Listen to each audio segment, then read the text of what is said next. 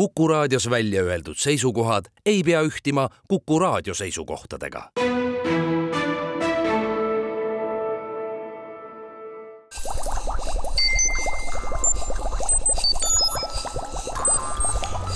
kukkuv õun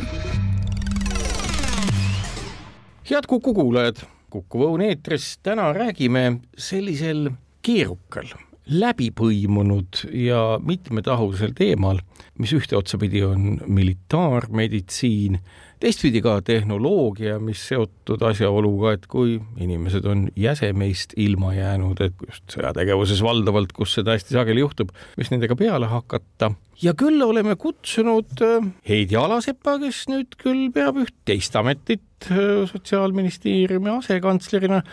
aga kelle väga pikk tööalane tegevus kahe tuhande kaheksandast aastast alates on just nimelt seotud sellega, kuidas Eestisse üles ehitada sellist keskust,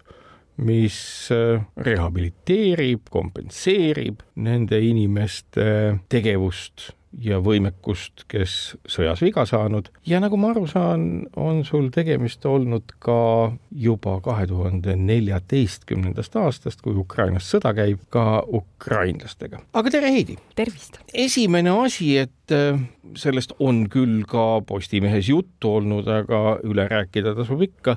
kahe tuhande kaheksandal aastal äh, ma saan aru, et tol hetkel olid eestlased kaasatud Afganistani missioonidesse, siis mis pilt, kui sa seal kohapeal olid, avanes ja milline oli tol hetkel see Eesti võimekus üldse kaasa lüüa sellises militaarmeditsiinis ja taastusravis ja siis ka proteesimisel? ma arvan, et me olime oma teekonna alguses ja vaadates tänasesse päeva, siis see teekond meil koostöös tsiviilmilitaarmeditsiiniga õnnestus. et kaks tuhat kaheksa vaatas mulle otsa terve päris suur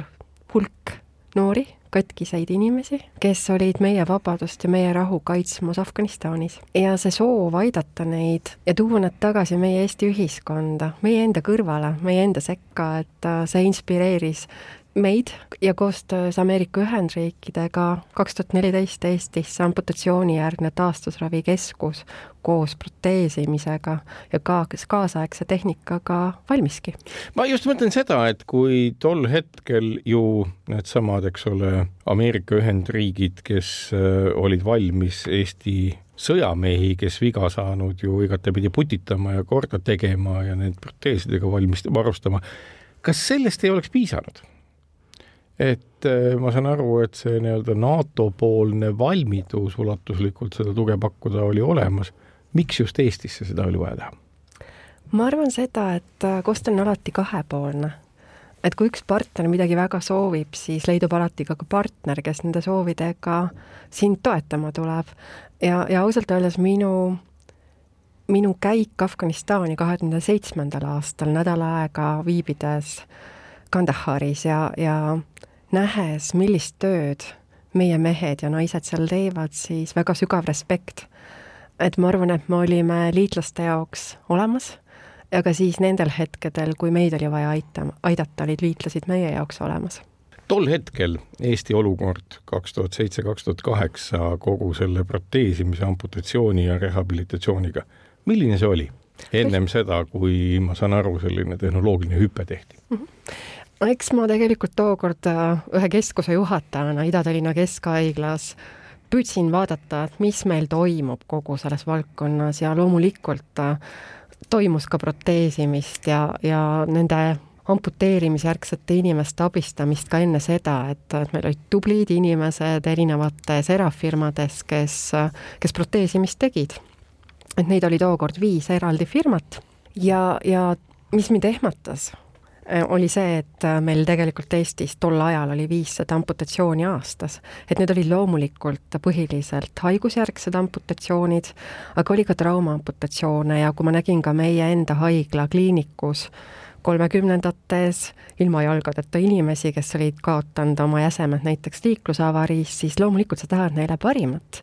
ja et kaasaegne taastusravi on meeskondlik, et sul ainult see protees liikuma ei hakka, et äh, seal ümber on arstid, õed, tegevusterapeudid, füsioterapeudid, psühholoogid sageli, et see on väga-väga suur koostöö, et sa saad anda inimesele võimalikult hea kvaliteedi. Ja ma ei saa jätta sinna ütlemata, et, et meie reisid, äh, mille võimaldas Eesti Kaitsevägi tookord, kes oli meie koostööpartner, külastada maailma, ma arvan, selle valdkonna tippkeskust äh, Ameerika Ühendriikides, Walter Reed Army Medical Centerit. Ja kui sa näed, kuidas nende inimeste abiks tehnoloogia on appi tulnud, siis mitte väheoluline ei olnud ka selles meie loodavas keskuses tuua Eestisse väga kaasaegset tehnikat ümber selle patsiendi, mis, mis väga varases amputatsioonijärgses perioodis saab juba inimest aktiveerima hakata, et see on väga oluline nii üldisele tervisele, tema füüsilisele, kogu lihas, lihasjõudlusele, et mida varem sa saad hakata oma protsessidega pihta, seda parem ravikvaliteet. Ja ütleme nüüd ausalt, et sõjavigastatud on reeglina väga noored inimesed ja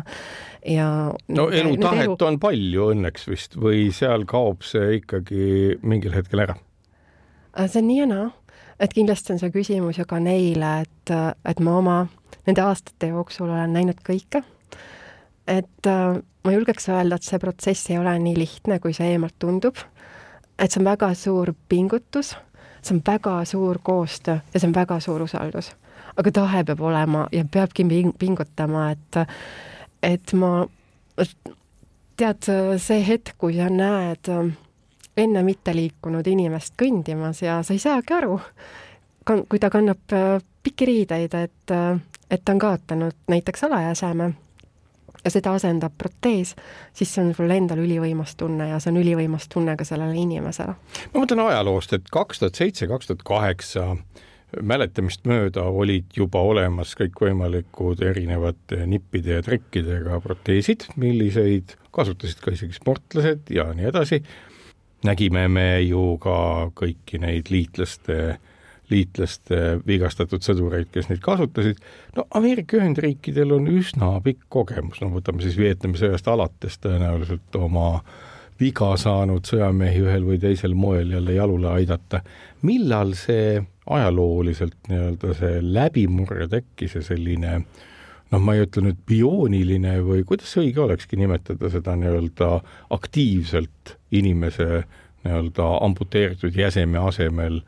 suhtestuvat proteesi, aga millal see nagu läbimurre tekkis tehnoloogiliselt? ma arvan seda, et äh, paraku, mis puudutab amputatsioonijärgset taastusravi ja kogu seda proteesimisprotsessi, et, et eks need viimased sõjad ole seda tehnoloogiat selle inimese ümber kindlasti parandanud. et kui meie alustasime oma koostöö läbirääkimisi kahe tuhande üheksandal aastal Ameerika Ühendriikide kolleegidega ja olles juba külastanud Ühendriike ja näinud, et millised võimalused juba on maailmas,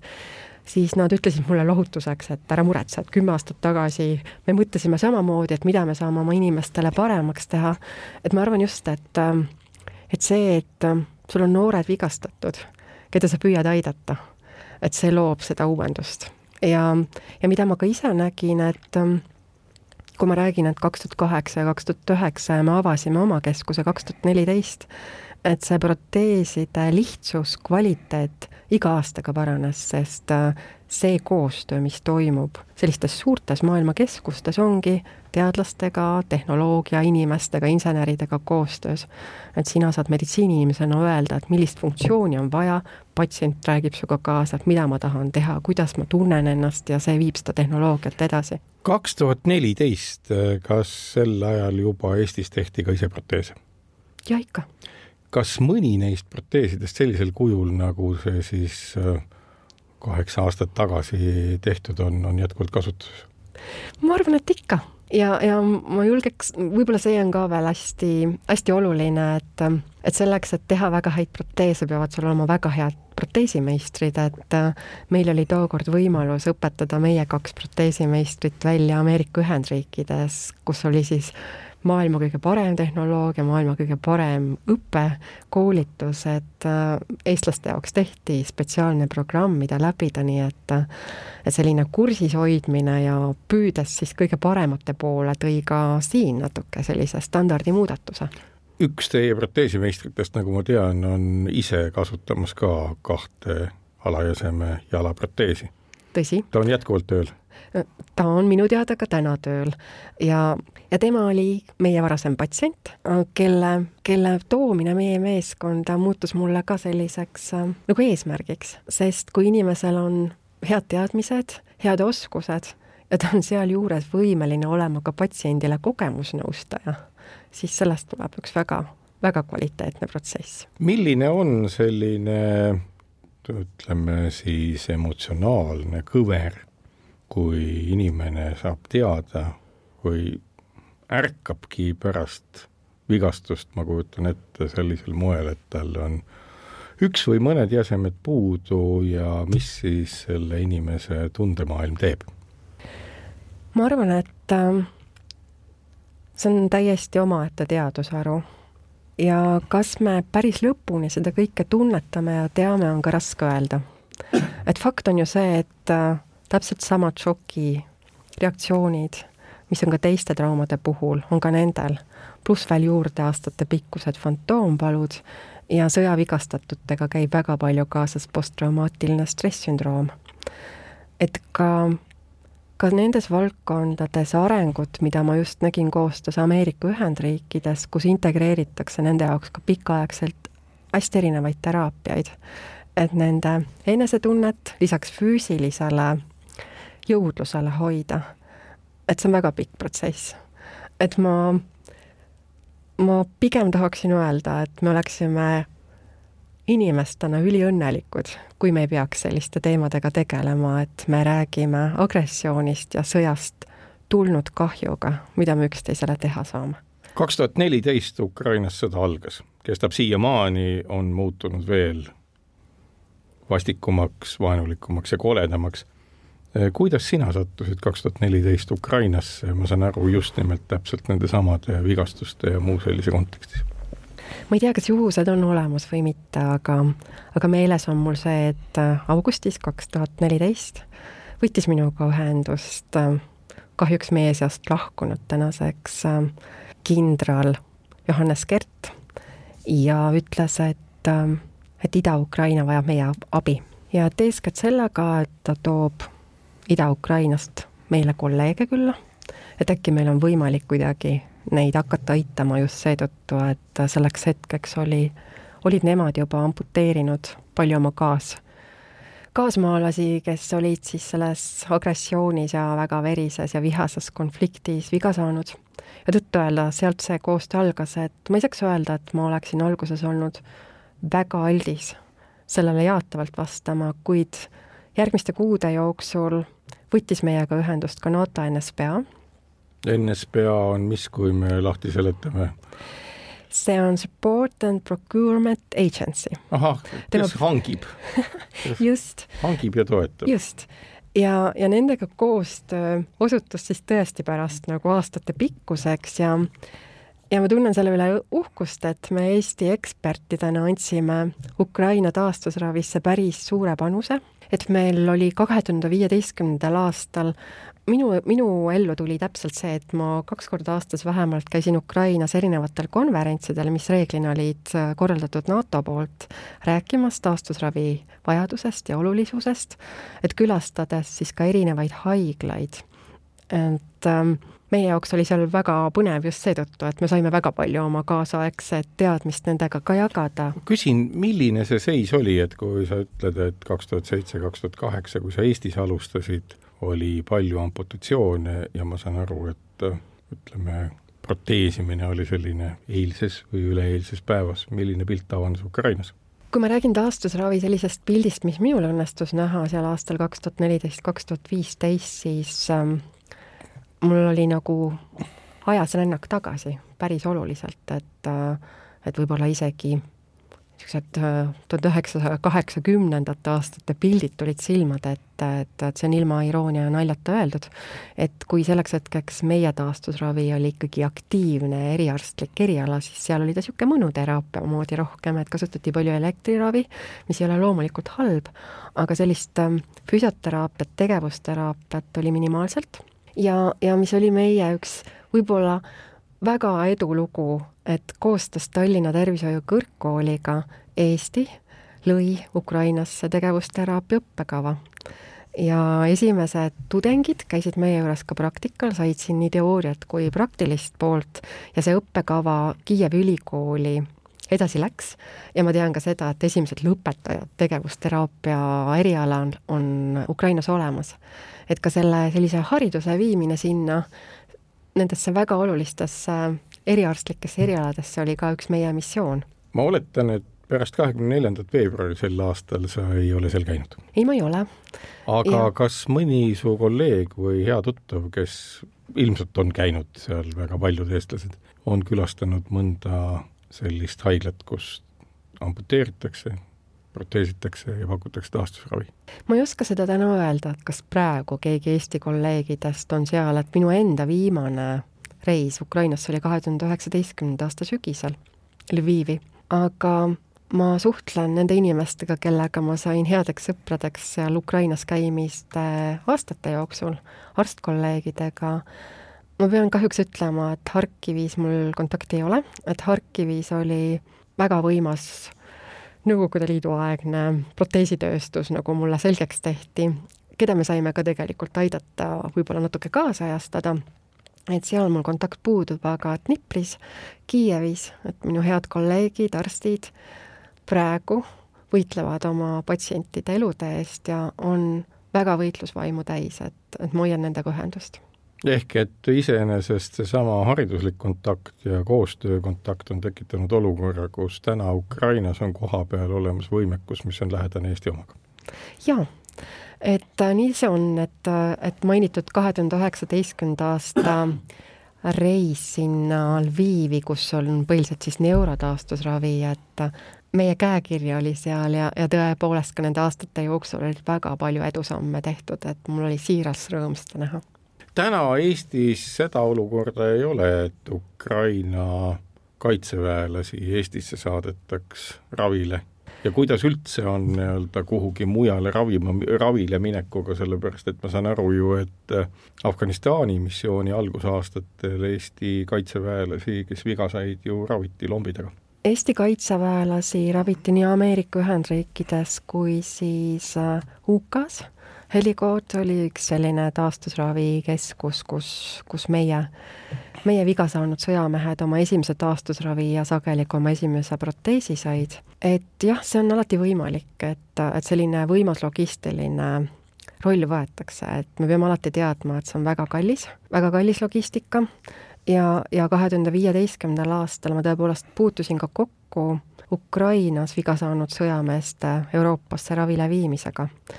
Et tänaseks on seda võimekust seal õnneks nii palju, et, et ravitakse väga palju hetkel siiski oma kodumaal. meie lähtume Eesti riigis, et me oleme oma heade haiglakolleegidega arutanud, et milline oleks see meie võimekus võtta siia ka sõjavigastatuid ravile ja me oleme avatud selleks koostööks. ja me lähtume sellest, et kui meie poole pöördutakse ametlikult riigile, et meie abi on vaja,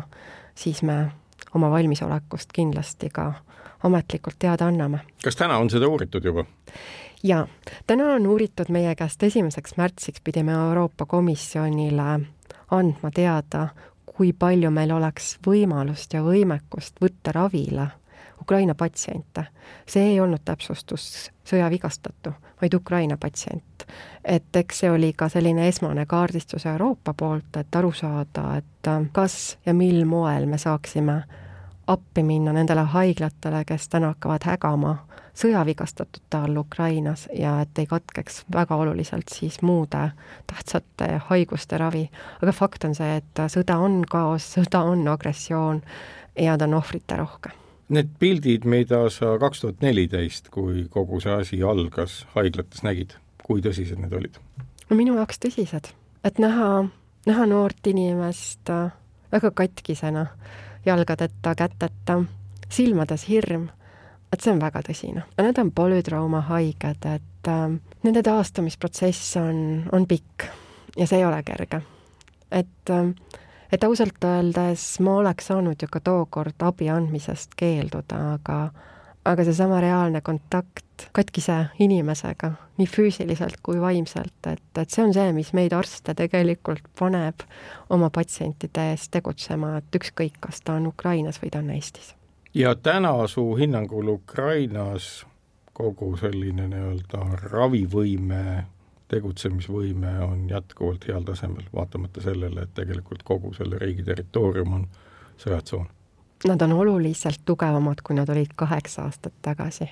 ma ei tea, kui kauaks, aga praegu see energia ja see tahe, mis nendest minule vastu kiirgab, annab mulle väga palju lootust. ja minu jaoks on olnud see ka väga oluline, et kui ma nende mälestustest kuulasin kahe tuhande neljateistkümnendat aastat ja Ida-Ukrainat ja ka näiteks seda, et sul ei ole ka näiteks morfiini oma patsiendile anda, siis äh, minu küsimused praegu minu tuttavatele sinna on olnud see, et kas need saadetised, mis teile saadetakse praegu meditsiinivahendite näol ja ravimite näol, kas teil on olemas asjad ja nad on mulle öelnud, et jah, neil on olemas asjad, et minu jaoks on see olnud oluline, et tarneahelad tegelikult toimivad. ma räägin küll suurtest haiglatest, et ma ei saa ju väita siin, et, et nii suures riigis igal pool on kõik hästi ja me teame ju seda, et osad piirkonnad on ikka väga räige, väga räige terrori all hetkel, et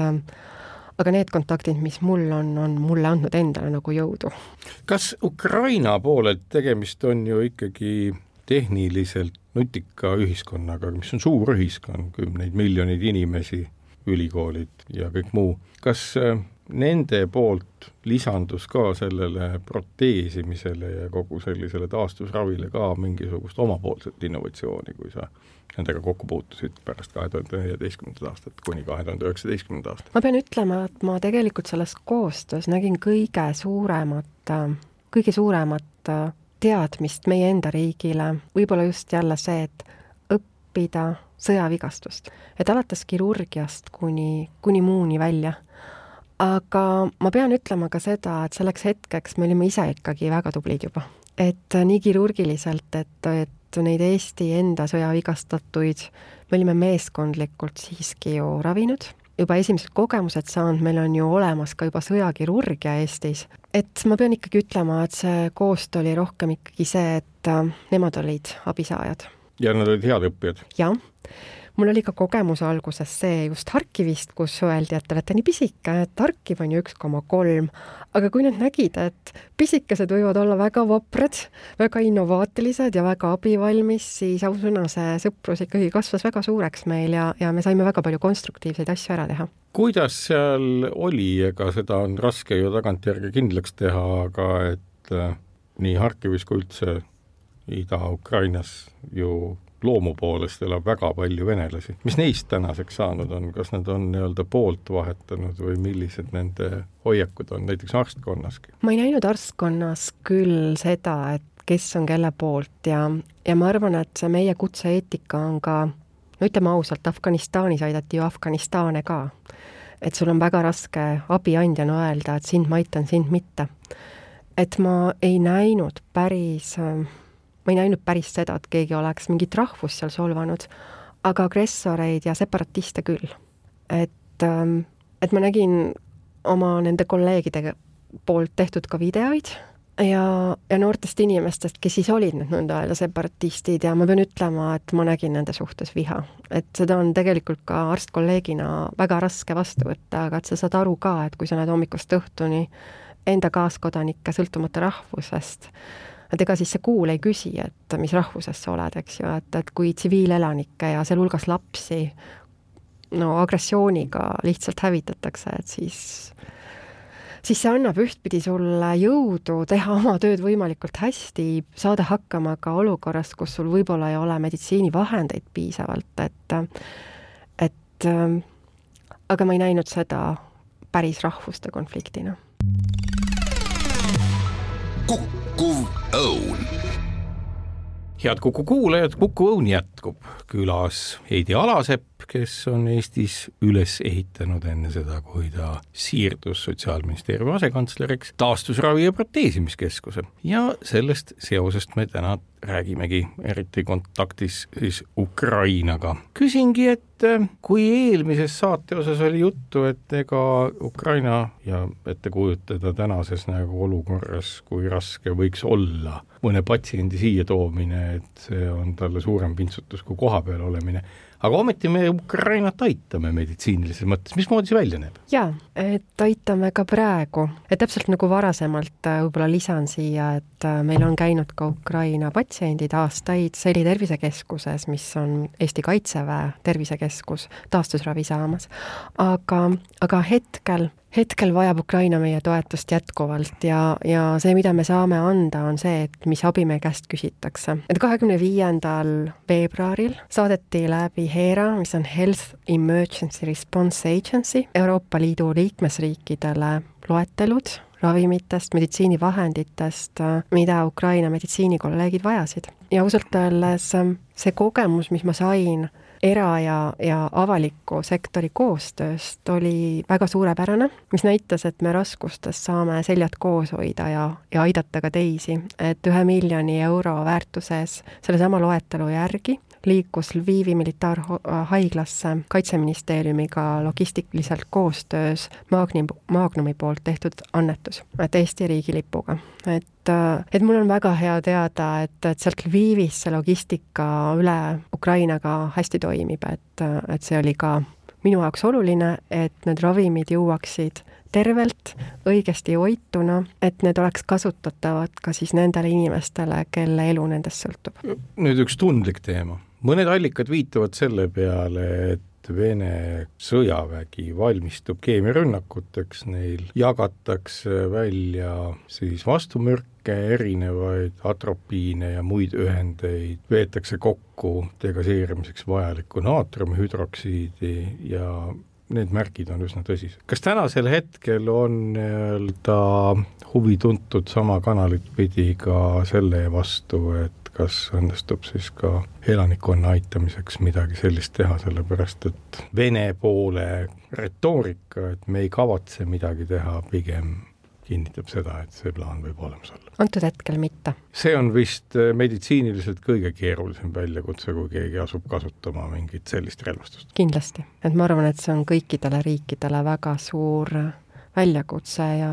ja teadupärast on see jälle väga pikaaegse mõjuga relv, et et äh, ma ei, ma ei, ma ei taha isegi mõelda nende tagajärgede peale. sellepärast, et praegusel hetkel no nii-öelda see olukord on ju selline, et me oleme näinud, et äh, mingit moraalset tõket rünnata lapsi, haiglaid,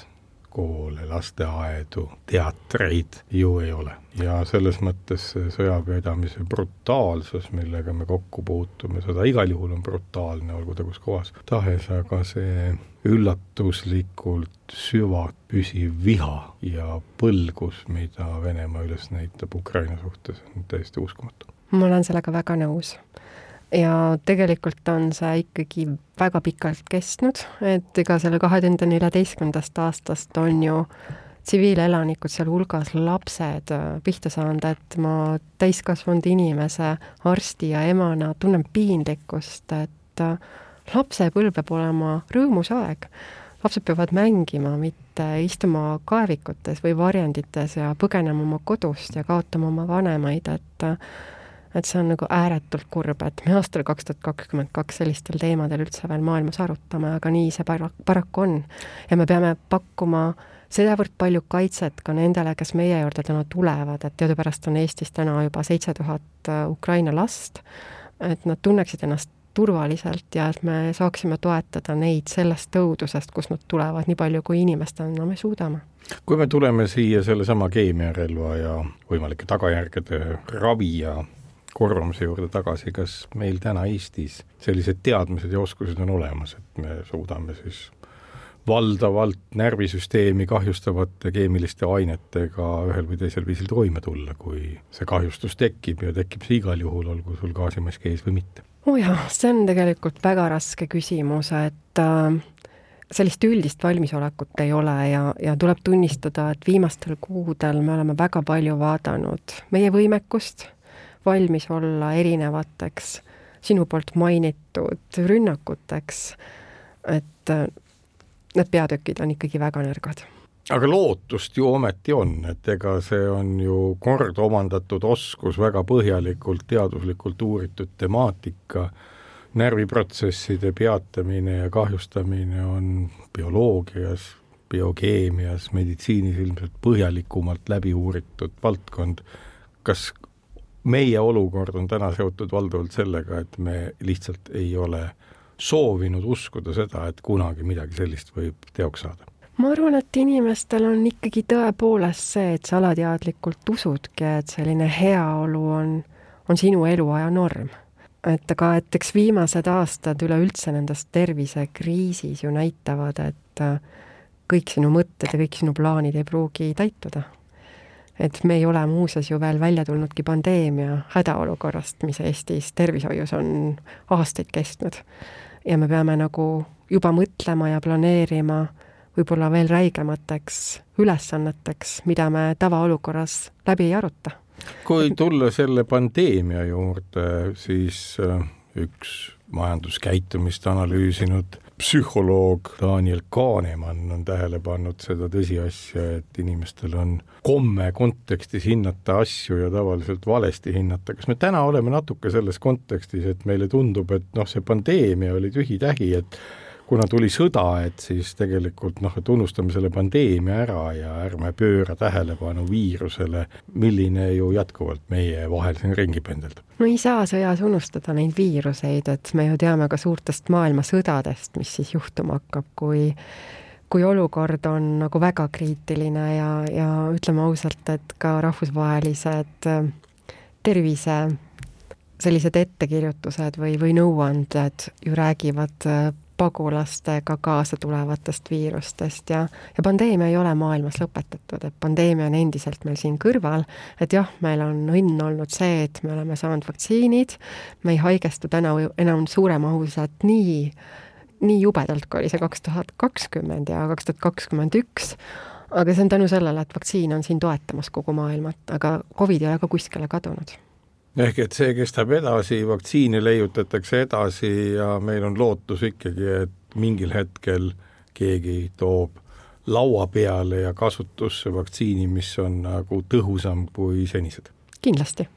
sellesse ma usun küll, et, et need esimesed edusammud on meil olemas Covid pandeemiaga, aga et nagu ma ütlen, et sõjad vallandavad võib-olla täiesti ootamatuid haigusi, nakkushaigusi, et kindlasti see lesson learned on selles pandeemias, et nakkushaigused ei ole maailmas kuskile kadunud. et kogu see preventsioon, profülaktika on selle tänase päeva teema väga tugevalt. see kurjus, mis äh, Venemaa poolt äh, alguse on saanud, näib, mida rohkem selle peale mõelda, et see on mõnes mõttes nagu ülitäpselt orkestreeritud kurjus, ehk et kõik kehvad asjad üheskoos ja ulatuslik nii-öelda agressioon ühe rahva vastu, millest nagu kasvab välja ju mitu lainet põgenike kaudu kõikide muude riikide ja rahvaste suhtes, see ei ole vist juhuslik, see ei ole mingisugune nii-öelda hetkelise emotsiooni ajel tehtud Venemaa presidendi mingi vihapurse, vaid see on ikkagi kavandatud plaan. Ma arvan, et on vägagi kavandatud plaan ja, ja minu jaoks on see sõda kestnud aastast kaks tuhat neliteist. aina eskaleeruvalt ja eskaleeruvalt. absoluutselt, et, et väga süsteemne edasiliikumine, väga agressiivne, arusaamatu, nagu suurt viha ja vihkamist täis, et et ma võib-olla toon sulle ka sellise näite, et, et kõik need emotsioonid, mida ma mida ma nägin Kiievis aastal kaks tuhat viisteist, äh, nähes Maidanil hukkunud noorte ja eakamate inimeste fotosid ja sa mõtled, et katuselt on lihtsalt snaiper, tulistanud inimesi, kelle jaoks tema riik, tema vabadus, edasised arengud on olulised, siis see ongi ju väga-väga arusaamatu. et, et maailmas on kurjust veel palju ja, ja ma mäletan ka neid enda ettekandeid militaarmeditsiini konverentsidel Ukrainas, et ma reeglina rääkisin rahust. Et vaatamata sellele, et mu auditoorium on arstid ja, ja tervishoiuteenuseid korraldavad inimesed, siis ma arvan, et iga normaalse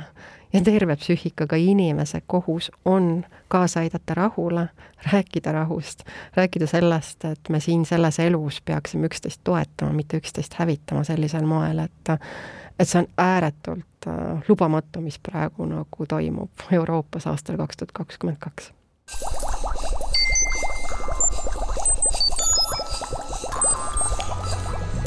Kukkuv õun.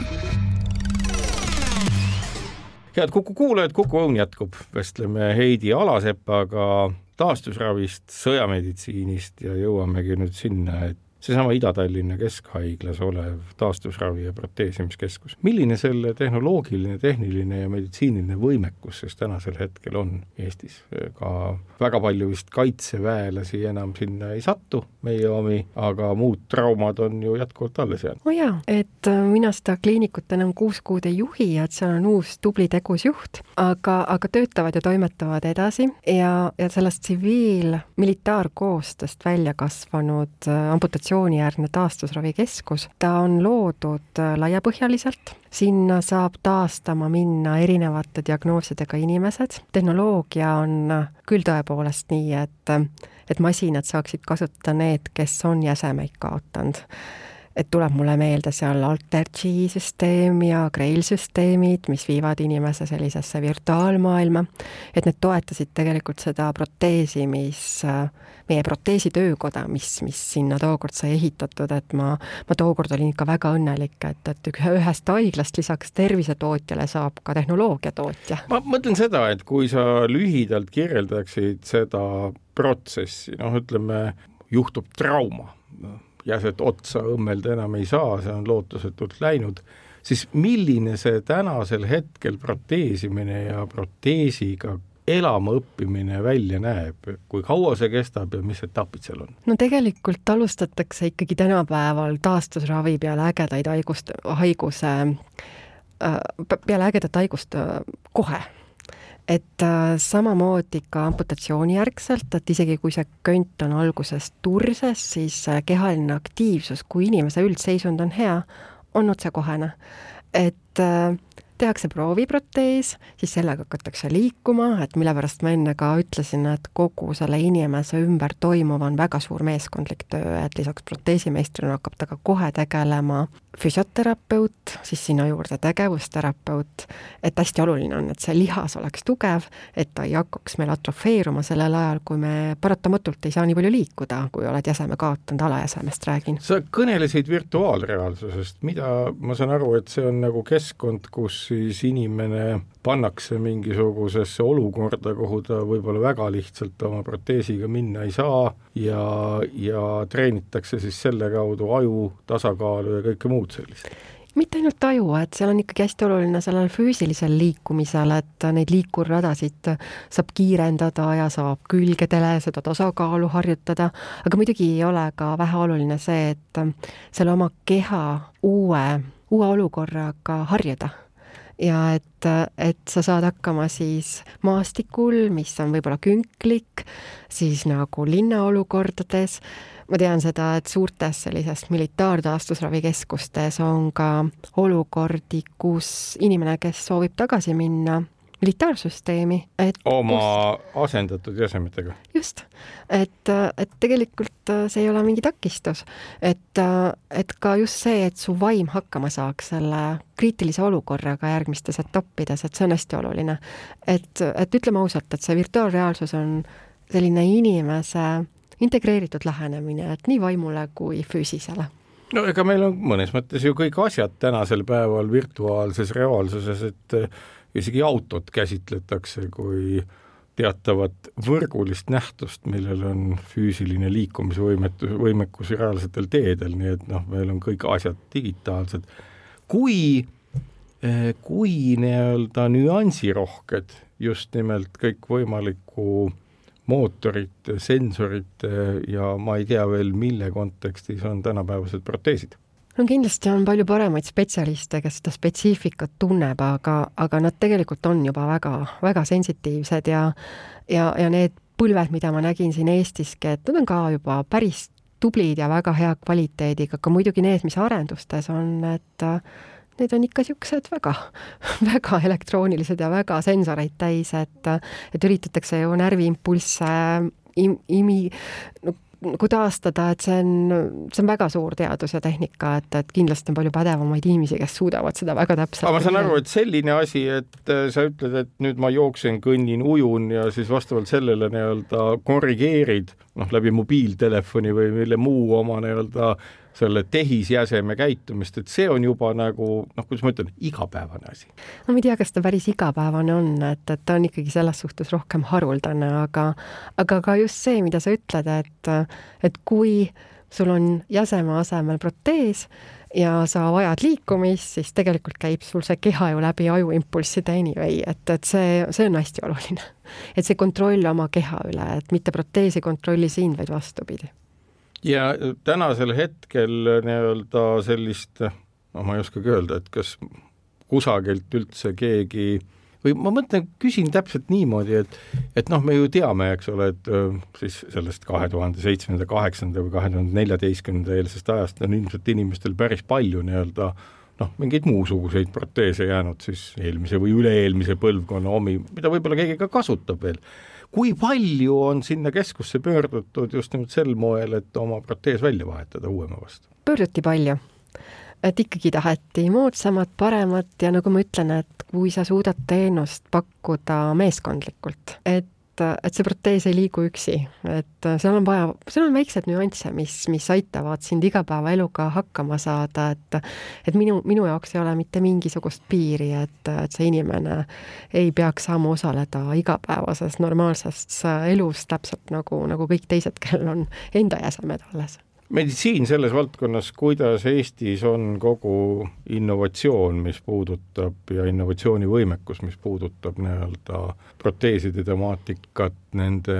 närvidega sidumise temaatikat, kui palju inimesi tänasel hetkel aktiivselt nii-öelda selle teaduse ja tehnoloogia arendamispoolega tegelevad Eestis? mina pean tunnistama, ma ei ole nende inimestega kokku puutunud, et meie enda tehnoloogiaalane koostöö Tehnikaülikooliga oli rohkem virtuaalreaalsusesse ja ja 3D printimisse, mis on ka väga oluline, väga, väga oluline etapp äh, meditsiini innovatsioonis. et muidugi selliseid väga, väga veeneid äh, närvisüsteemi ja, ja kogu selle sensoritega teadustöid, et võib-olla väiksemas mahus on, aga aga suuremad, mida ma ikkagi tean, on suurtes keskudes, suurtes riikides, et äh, need on nii raha, aju, raha, aja kui, kui inimressursi mahukad uuringud ja nende tulemused on meile moel teisel kättesaadavad? ikka. et äh, ma arvan, et Eesti meditsiin, vaatamata sellele, et meil on selja taga ikkagi pikad ja äh, väga rasked pandeemia aastad, mis on, mis on võib-olla innovatsiooni ka pidurdanud, et, et ma arvan, et meil on väga tubli arstkond ja väga tublid tervishoiutöötajad, et sellist innovatsiooni püütakse võimalikult ruttu Eestisse tuua, et, et mina, mina tean küll seda, et, et me jälgime väga täpselt oma valdkondades, mis maailmas toimub ja esimestel võimalustel seda ka siin rakendama hakkama, et tuleb, tuleb öelda, et et loomulikult tehnoloogia on kallis, ta peab olema tõenduspõhine, et selleks ka, et sa saad siia meditsiinist ta tuua, et selleks on tervit pikad uuringuajad, et, et meie sellised eetikaprotsessid on, on pikad ja, ja väga täpselt reguleeritud, et, et ükskõik, kas see on virtuaalreaalsusega või proteesimisega seotud, aga fakt on ka see, et tehnoloogia tehnoloogia edasi arenedes mingi etapp tehnoloogiast jääb natuke odavamaks, et, et see riskijulgus oli meil tookord ka aastal kaks tuhat neliteist, kui me seda proteesi töökoda oma kliinikusse looma hakkasime, et, et sa saad väga häid asju ka mitte nii innovatiivselt, nagu see maailma tipptase on, aga, aga siiski. ja sa oled lõpuks selles innovatsioonis sees. aitäh, Heidi Alasepp, et leidsid aega rääkida nii mitmestki olulisest asjast sõjameditsiinist kuni proteesimiseni välja. sellega on Kuku Õuna saade läbi. kuulake meid jälle nädala pärast ja kaunist päeva teile! kukkuv õun